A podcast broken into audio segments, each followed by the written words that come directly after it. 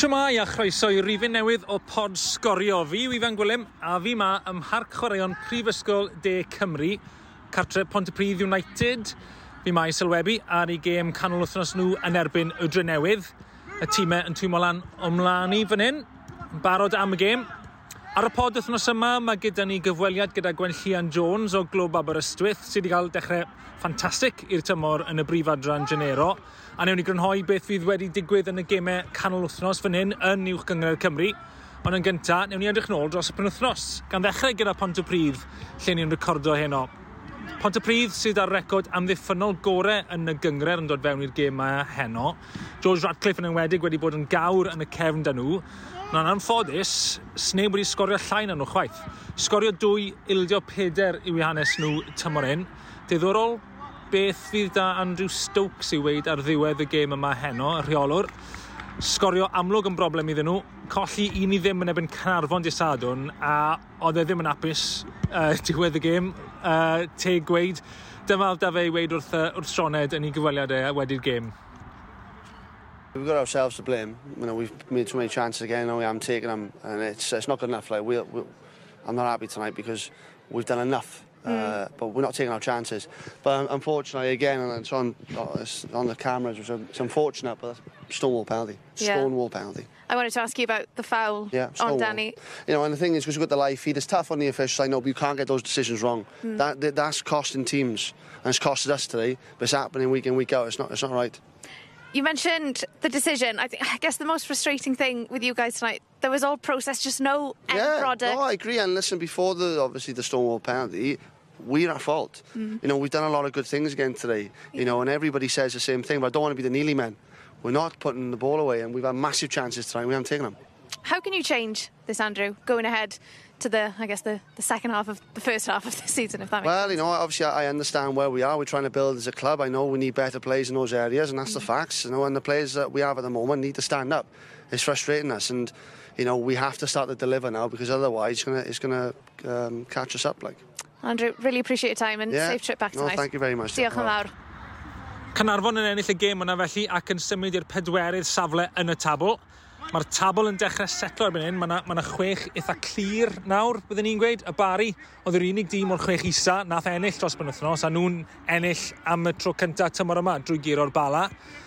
Draw at y brif adran Genero, ac ar ôl dwy gêm, mae yna 5 tîm ar 4 pwynt. Abertawe, Wrexham, Aberystwyth, y Seintiau a Chyrdydd. Mae yna gêm fyw da ni ar sgorio di syl. Met Cyrdydd yn ebyn Abertawe sydd ar y brig ar y nifer o goliau sgoriwyd. Ond o'r 5 tîm na, Aberystwyth yw'r un sy'n dal sylw, yr unig dîm sydd wedi mynd heb ildio o gwbl, a mae hynna yn cynnwys gêm galed yn ebyn Cyrdydd um, yng Nghyrdydd di Sil.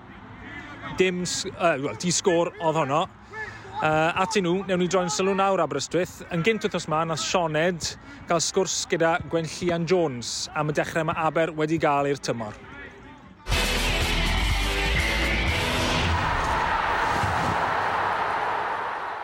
Wel, diolch yn fawr am ymuno Annie Gwenllian Jones o Fasod o'r Aberystwyth. A Gwenllian, mae'n rhaid i chi wedi cael dechrau arbennig i'r tymor. Chi'n gyfartal ar bwyntiau ar frig y brif adran Genero ar ôl dwy gêm ac yr unig dîm i gadw llechen lan hyd yn hyn hefyd. Fi'n gwybod mae'n gynnar iawn yn y tymor. Fi'n gwybod chi siŵr fod ddim mae'n mynd yn rhy excited, ond just pa mor hapus i chi gyda'r dechreuad i chi wedi cael. A hefyd, o'ch chi'n disgwyl dechrau'r tymor mor grif a beth chi wedi?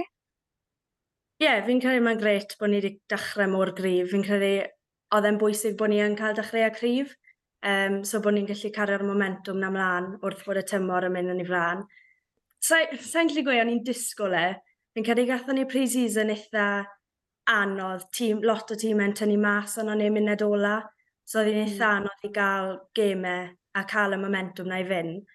Ond na, fi'n credu jyst y cred o fewn y garfan bod ni'n gallu neud e, bod digon o profiad, um, digon o cymeriadau yn y tîm byddai'n gallu sefyll an a arwen. So, na, fi'n credu ni'n rili really hapus gyda dechreuad ni wedi cael. Yn amlwg, so ni'n mynd yn rhy twyd, o flaen ein hunain, ond mae'r doi canlyniad diwethaf ni wedi cael bendant yn rhoi hwb mawr i ni a hyder wrth mynd mlaen nawr yn y tymor. Fi'n cofio siarad gyda Fiona um, ar y dydd mercher nath nhw wneud, nath y gymdeithas lawnsio'r um, er, y tymor newydd. A nath Fiona weid bod hi'n gweld Aberystwyth fel cyffil y tywyll, y gyngrair o bosib eleni. Dyfyna fel i chi gyd yn tymlo? Ie, um, yeah, fi'n credu. A fi'n credu fyd ni'n perfformio'n well pan ni'n ni fel pan mm. dyw pobl ddim yn disgwyl i ni perfformio mor dda ni'n gallu. So fi'n credu bod hwnna'n rhoi bach o hyder i ni bod twyd, so pobl yn disgwyl e, so sy'n lot o bwysau arno ni wedyn. Ond bendan fi'n gweld fyd, pan ni'n chwarae'r tîmau mawr yma, mae nhw'n, mae agwedd nhw falle fel bod nhw wedi ennill y gêm yn barod cyn dechrau.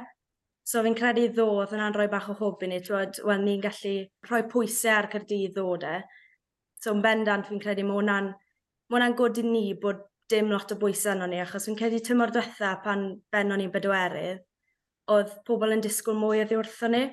So, yn credu lenni nawr, ni jyst yn mynd i un gêm ar y tro, twyd, cadw'r momentum na i fynd a gobeithio, gobeithio achosi mwy o sioc i bobl yn y dyfodol. Ie, yeah, fi mo'n gofyn am y gêm ddisgwr na yn erbyn Cyrdydd dros y penwthnos. Siwr uh, oedd y garfan, siwr oedd y chwaraewyr yn tymlo wedi'r canlyniad yna gêm ddisgwr yn erbyn pencampwyr llynedd? Ie, yeah, fi'n gwybod. Fi'n credu, wel, o pawb wedi blino erbyn diwedd. O pawb, o coesau pawb yn gwyngan efo'n diwedd, ond na, fi'n credu twyd, pob un wedi gweithio mor galed, a wrth bod y gêm yn mynd mlaen, fi'n credu ni'n sylwi, oce, okay, ni'n gallu neud e, um, o'n i'n cystadlu'n rili really dda. Twyd, sa'n gweud llai, gath Cyrdydd lot o, o gyfleoedd gwych, a falle oedd lwc ar yn ochr ni ddo yn bach, ond fi'n credu nath o'n ei heiddi'r lwc na. O'n i ddim yn chwarae, o'n i'n cadw lot o'r bel, oedd Cyrdydd da rhan fwyaf ar meddiant, ond o'n i'n llwyddo i cadw nhw mas tro ar ôl tro. So, ie, yeah, symud mlaen nawr um, i wythnos nesaf, cario'r momentum na mlaen, gobeithio. A jyst yn gyffredinol, Gwentlian, yn amlwg mae'r gyngrad i cryfhau yn sylweddol nawr gyda Wrexham yn ymuno, maen nhw hefyd yn glwb lled proffesiynol.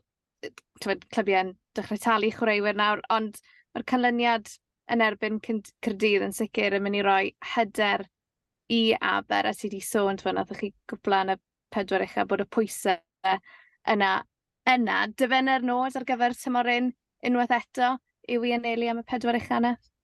Ie, yeah, fi'n cael, wel, wrth gwrs bob blwyddyn ni'n anelu mor uchel ni'n gallu, ond fi'n credu ddod ath e ddangos bod ni'n gallu cysadlu gyda'r goreion yn y gyngred er bod gwaniaethau o ran twyd, status clwbiau, ond bendant ni'n gallu cysadlu.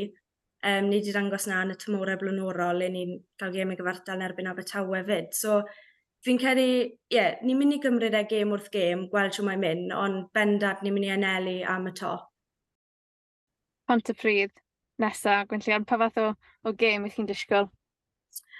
Wel, mae wastad wedi bod yn agos rhwng ni a Pont y Pryd. Mae wastad wedi bod... Mae gym rhwng Aberystwyth a Ponti, mae wastad bach o... Yeah. Yeah. Os, os. So, na, fi'n credu maen nhw wedi cael canlyniadaeth a diflas yn ddiweddar, ond wrth gwrs bydd disil yn gêm hollol wahanol, mae'n mynd i fod yn gêm newydd, a falle nhw'n nhw troi lan, tyd, mae pwynt yn nhw brofi nawr, maen nhw eisiau'r pwyntiau yna ar y bwrdd. So, ni ddim yn mynd i mynd mewn i'r gêm yn rhy hyderus, achos mae rhaid ni gadw trad yn llawr, ni'n gwybod beth mae pont y pryd yn gallu wneud. Um, na, fi'n credu, os ni jyst yn wneud fel ni wedi wneud dros y ddoi gêm diwethaf, ni wedi chwarae'n rili really dda. So, os gallwn ni cadw'r um, y safon a lan di syl, fi'n credu byddwn ni'n iawn. Um, just dim neu camgymeriadau sili achos na beth sy'n gadael ni lawr rhan fwy ar amser. It is camgymeriadau bach. So, os ni'n lli cadw rheina mas, fi'n credu byddwn ni'n oreit. Jyst i ti'n bersonol wedyn ni, Gwenllian, fi'n gwybod ges ti'r anaf na nôl y mis Mawrth yn erbyn y fenni. Ti wedi dod nôl mewn i'r tîm cynta erbyn nawr. Um, di bod yn chwarae a sgorio i'r tîm dan 19 hefyd. Jyst pa mor braf yw i, i fod nôl yn ware ar ôl cyfnod eitha rwystredig i ti? Ie, yeah, mae anafiadau wedi bod yn eitha... Fi, nes i tynnu hamstring fyd um, yn ystod pre-season, so oedd hwnna'n bach o, twyd, ddim y cyfnod gorau, ond fi'n ges i cyfnod eitha anodd cyn yr anaf na yn Abergavenni ar ôl colli'r gêm gynderfynol yn y Cwpan Cymru. So, o'n i digwydd bod y gêm yn erbyn Abergavenni, o'n i'n dechrau teimlo hyder yn dynol i'r chwarae a just typical o rhai cael anaf prynu wedyn. So, na, fi'n credu mae ni dechrau tymor hyn nawr, fi'n chwarae cwbl o gemau dar dan 19, jyst i cael munudau nôl yn y coesau yna. Um, ond gobeithio yn yr wythnosau ddod nawr, byddai'n gallu mynd nôl mewn i'r tîm, i'r tîm cychwynnol de. Ond ie, yeah, mae cystadleuaeth i gael na, mae lot o chwaraewyr newydd wedi dod trwyddo'r academy, so mae cystadleuaeth i gael na am safleoedd, ond na, gobeithio allai gweithio'n gael nawr a um, ennill lle nôl yn y tîm gyntaf. Ie, yeah, achos ti'n 17 mlynedd oed, mae rai fi wedyn siarad y ti a gweld ti'n ware, byddwn ni byth yn gweud bod ti'n 17. Wel, ti mor eiddfed yn y ffordd i ti'n siarad a hefyd dy sgiliau di ar y ca. Nath um, Fiona weid eto pan nes i siarad ydi yn y lawnsiad, un gair i ddisgrifio Aberystwyth tymor un yw ifancach. Felly hmm. fel un o'r criw ifanc sy'n dod trwyddo, so pa mor gyffroes yw e bod y clwb yn troi at yr academi bod y clwb yn, yn meithrin y talent ifanc yma os lygu di? Ie, yeah, fi'n cael mae'n bwysig achos twyd yr rhai ifanc yw dyfodol y clwb. A fi'n meddwl bod e'n neis bod nhw'n dod trwy'r academi. Mae academy Aberystwyth mor gryf erbyn hyn nawr fyd. Fel ni gweld Lili a Lleici wedi dod trwyddo blwyddyn hyn, a nhw'n sgori yn y gêm yn erbyn Bari, sydd yn gret i weld, gret i'r clwb achos mae cwpl o rhai yn bwrw mlaen mewn oedran nawr, so mynd i dechrau enwi neu pragofan, ond na, fi'n credu bod e'n bwysig bod y merched yn dod trwyddo a jyst gael profiad fyd, jyst gael profiad y chwarae yn yr uwch gyngrair a bod y rhai hennach na dal na i rhoi arweiniad, jyst i cynnig cymorth iddyn nhw, helpu nhw i ddysgu a ennill profiad. So fi'n credu bod e'n gret a fi'n credu bod y clwb yn da iawn am wneud na, rhoi y cyfleoedd na rhai ifanc, achos twyd, fel fi'n gweud, nhw yw dyfodol y clwb. Dyfodol y clwb, ond hefyd dyfodol y gyngrau'r gwenlliant, wedi ni wedi sôn am y ffaith bod Wrexham na, ni wedi sôn am y ffaith nawr um, bod mwy o'r clybiau yn dechrau talu i chwaraewyr nhw. Fel chwaraewr, pa mor gyffroes yw ei fod yn rhan o'r gyngrau'r yma? Mae dyn ni lot fwy o gemau nawr ar S4C, ar sgorion, Lowry Roberts, Penneth, Pildrod Merched, um, Cymdeithas Bildroad Cymru, kind of gosod her o ran torfeidd um, yn herio um, uwch gyngrair y dynon, achos bod, well, bod clybiau'r merched yn aml yn cael lot fwy o dorfeidd na'r dynon. Just, ie, yeah, pa mor gyffroes yw ei fod yn rhan o'r gyngrair yma. Mae cymaint o bobl eraill yn cyffroes amdano a just moyn i'r gyngrair datblygu. Ie, yeah, mae fe'n greit i weld. Fel welon ni yn y gêm Rex am Abertawe, tua 600 na'n wytro, so oedd na'n ffantastig i weld. Um, fi'n credu fyd, mae jyst yn rhoi statws i'r gyngrair. Mae mwy o bobl yn, yn talu diddordeb i'r gyngrair. Um, mae'n rhoi platform i ni fyd i ddangos beth ni'n gallu gwneud. Rwedig i rhai ifanc sy'n dod trwyddo. Mae'r gyngrair yn un eitha ifanc fyd. So ni wedi mm. gweld na, fel ni wedi gweld Liv o Pont y Pryd yn mynd i wario i Maniw, cwbl o Cyrdydd yn mynd i Cheltenham. So mae'n gret, mae'n rhoi y platfform yna i ni fel chwaraewyr, ond hefyd jyst yn hybu pildro merched yng Nghymru a gobeithio ysbrydoli yr genedlaeth nesaf i Dolana chwarae pildro a gobeithio chwarae yn y gyngor hyn un diwrnod. Alla i weid, chi bendant, bendant yn neud hwnna. Gwenllian, diolch yn fawr iawn am dy amser di. Pob lwc yn erbyn Pont y Pryd penwthnos hyn hefyd a phob lwc enfawr i Aberystwyth am weddill y tymor a diolch am ymuno ni ar y pod. Diolch, diolch yn fawr.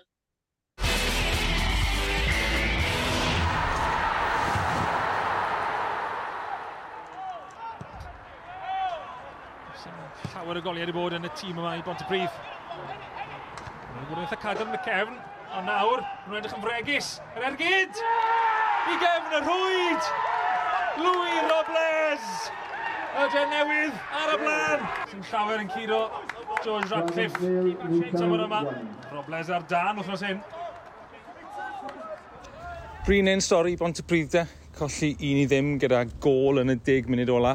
A y goliau yn parhau fod yn broblem yn nhw. Maen nhw... Uh, mi o'n nhw yn cael cyfleoedd, ond nhw jyst ddim yn edrych os nhw'n mynd i sgorio heno. Ond Andrew Stokes mewn hwliau bach yn well uh, heno, nath e jocian gyda ni pan nath e draw um, am yr uh, cyfweliad nath e yn Gynarfon. Uh, felly deall pam oedd e, mae'n dda anodd rheoli'r emosiwn pan mae'r meic yn dod syth wedi gêm. Gath e rhyw 10 munud, cwarter awr dyn ni i weiddi ar y tîm heno, cymryd yn dod draw at ni uh, cedd y not car nawr. Newydd edrych ar ganlyniadau arall heno, sef nos fawrth, ar yr app. Cynarfon un i ddim lan ebyn y seinti newydd hanner amser heno. A yn seinti newydd yn sgwrdd tair yn yr ail hanner. Ceicona, nath nhw giro bai Colwyn, dwy gol i un. Met ebyn Hwlffordd. O, Hwlffordd ar y blaen, nhw un i ddim. Uh, ond gol hwyr i Lewis Rhys na chi pwynt i'r Met. A gath y gyfle o smotyn i gael cipio triffwynt fyd, ond hwnna'n cael ei arbed gan Ifan Not yn y gol, rhaid bod yn yr enw, enw da. Uh, gym arall heno, o'n i'n gweld bod dros 800 yn gwylio Pen y Bont yn curo'r bari o gol i ddim.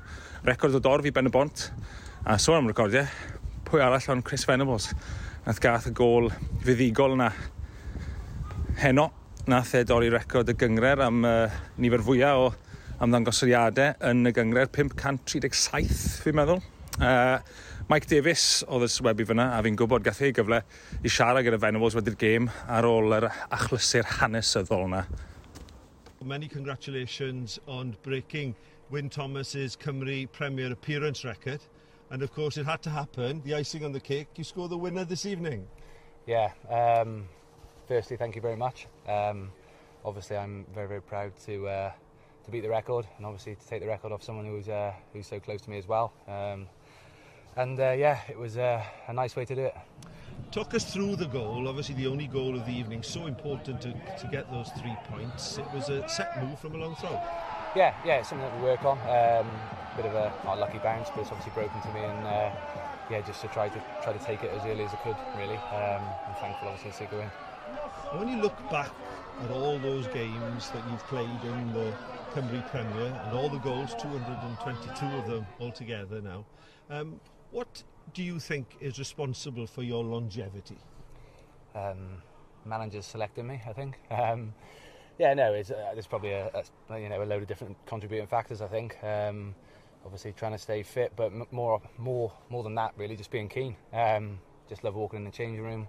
Don't want to stop, and I don't want it to end. Um, and obviously, try my best to, uh, as I said, keep myself fit and, and playing. And um, yeah, I think it's probably just the uh, how keen I am and eager I am to play football. Reit, nôl yn y car. Un canlyniad arall heno oedd bod Cymru wedi colli 5 i 1 yn erbyn Denmark yng Nghyngre Cenhedlodd y Merched. Ffenest siomedig iddyn nhw ar ôl colli un i ddim mas yng Ngwlad yr Ian os mae'n erfyd. Dwi ddim yn mynd unrhyw haws yn y ffenest nesaf gyda tripio'r Almain uh, a wedyn i Denmark diwedd mis hydref ond na ni, a pris ni talu efe am fod yng Nghyngryd A. Jyst gobeithio wneud Cymru elwa'r profiad yn y pen draw. Uh, gemau byw sgorio pen wythnos yma. Mae yna ddwy. Di Sadwn, cwartiwr i pimp. Cei Cona yn ebyn pen y bont yn uwch gyngor Cymru, a wedyn ni di Sil. Deg mynd i wedi 5. Pyrwch bod yn hwyr. Met Cyrdydd yn erbyn Abertawe yn y brif adran. A'r ddwy gym na ar gael ar-lein a Teddy Clyfar a Facebook Live a bod ma'n arall chi'n gwylio um, y gemau sy'n cael ei ffrydio. Diolch eto i Gwen Llian am ei amser hi ar y pod wythnos yma. A diolch i chi adre am rando fyd. Uh, fi'n mynd i fynd adre nawr i gael paned a twym o lan. Gym gyntaf tymor fi'n credu i lle fi wedi dechrau teimlo dylen ni wedi dod â mwy o leis. Um, yeah, bydd by rhaid i leis o mas o nawr mlaen. Gobeithio bod chi adre yn cadw'n snyg ac yn joio rhyw baned ble bynnag i chi'n gwrando.